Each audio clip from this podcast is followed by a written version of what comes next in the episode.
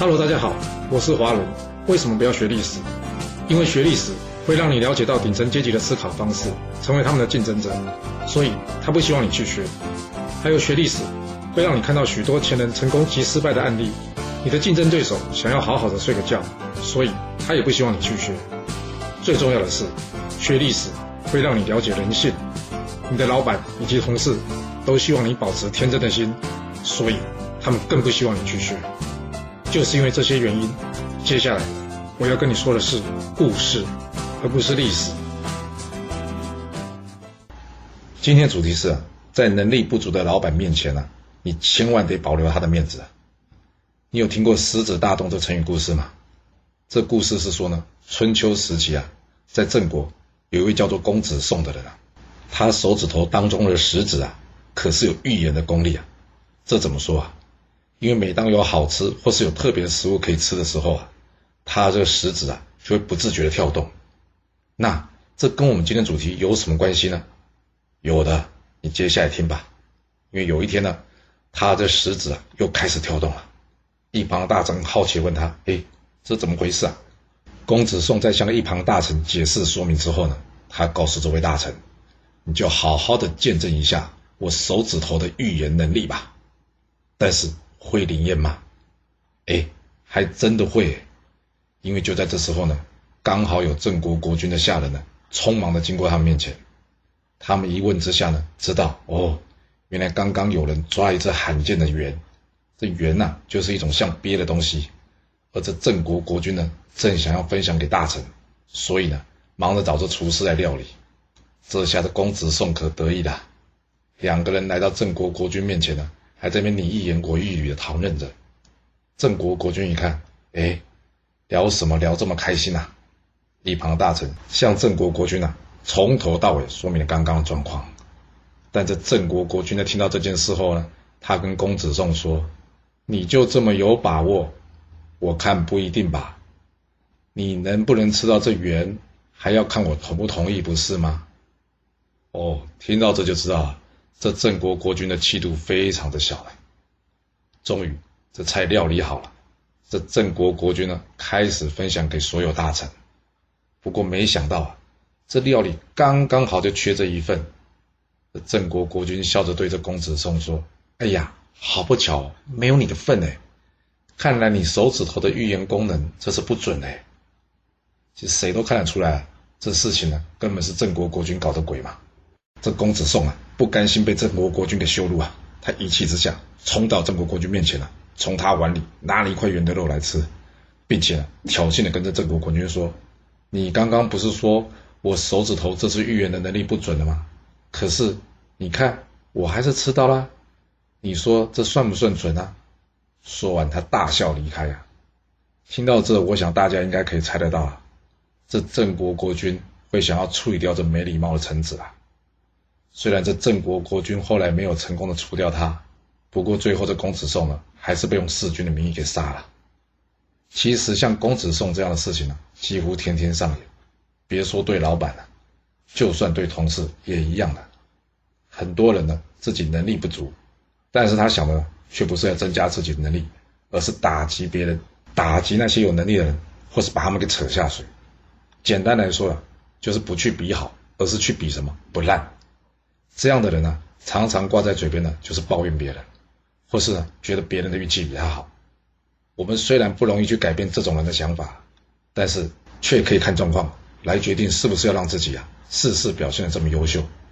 就拿今天故事来说吧，除非你已经打算跟你老板撕破脸了，要不然这样冲突实在没必要发生吧。没错，这老板确实很糟糕，但是对他最好的处罚。并不是当众羞辱他，而是想办法让自己过得更好，让他后悔失去你，不是吗？大部分的人呢都有好胜的心呢，这点的确很难避免。毕竟我们从求学的时候开始啊，就一直被人家打分数，或是呢要与身旁的人呢在怎么做竞争排名呢？但你有没有想过，真正帮你打分数的人应该是你自己啊？而将来在社会上你会遇到的那些竞争对手，通常也不是你求学的时候在你身边的人。那真的要跟他们事事去比较吗？理性判断，怎么做才是让自己最开心、或是对自己最有利的，会远比去比较当下，或是去争这一时之气来的重要。在今天故事里面的主角公子宋啊，他的状况算是比较夸张的。我们可以很明显的就可以看出他老板的小心眼。但是你要知道，很多时候啊，我们并没有去跟人家争，或者跟人家比，只是单纯的就事论事啊，都会得罪人，或是得罪老板。所以，如何巧妙的将这功劳归功给上级，或是归咎于运气啊，是需要一定智慧或是提前准备的。拿我自身一个失败的案例来说吧，刚出社会的我，有一天突然被公司啊派去跟客户啊收取货款，这原因是因为啊。因为市场上传闻这客户快要倒闭了，而这客户原本应该要付我们这个支票票款呢，却临时通知我们公司，希望呢能将这票期更改到明天。我到了客户那了，客户的表现呢一如往常，并且告诉我啊，是因为会计作业的疏失啊，导致资存账户内的存款不足啊。不过这问题明天就可以解决了，就可以把钱给我们公司了。我当时跟客户说，这不行啊。我专程跑一趟，若两手空空回去，会被老板解雇的。我不怒不骂，但也不求，只是坚定地向客户表示，我必须要点东西才能回去向老板说明啊。尤其是这次金额也不过就七十万嘛，跟平常动辄两百万以上的货款并不相同。希望他呢能考虑到我这新人的难处啊。对方的老板最后同意先拿二十万给我，并且呢要我跟他换票。听到这。你觉得我应该接受对方的处理方案吗？我没有接受，我一改前面坚定的态度啊，开始严肃起来了。我告诉客户，这金额不能接受，必须是一个让人可以满意的答案，我们才同意换票。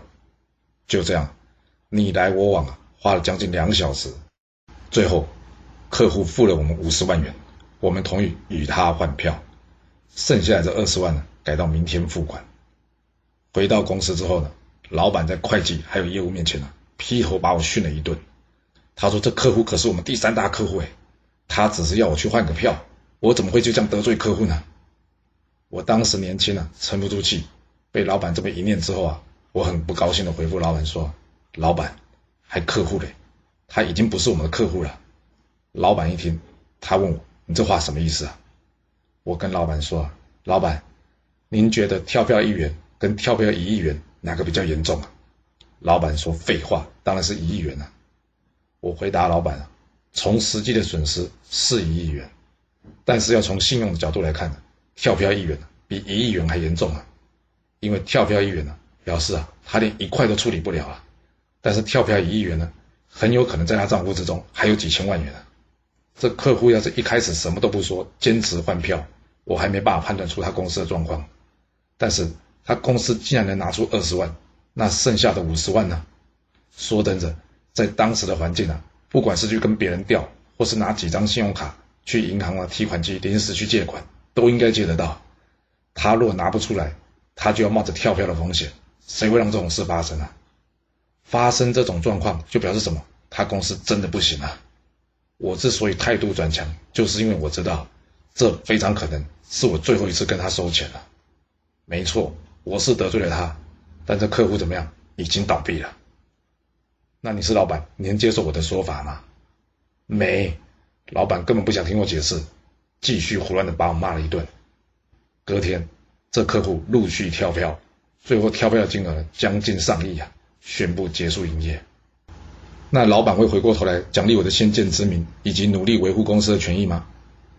别想太多，没有老板呢喜欢自己的下属。在别人面前呢，证明他自己不如下属。要是再给我一个机会，我大概就不会这样说了。你说是吧？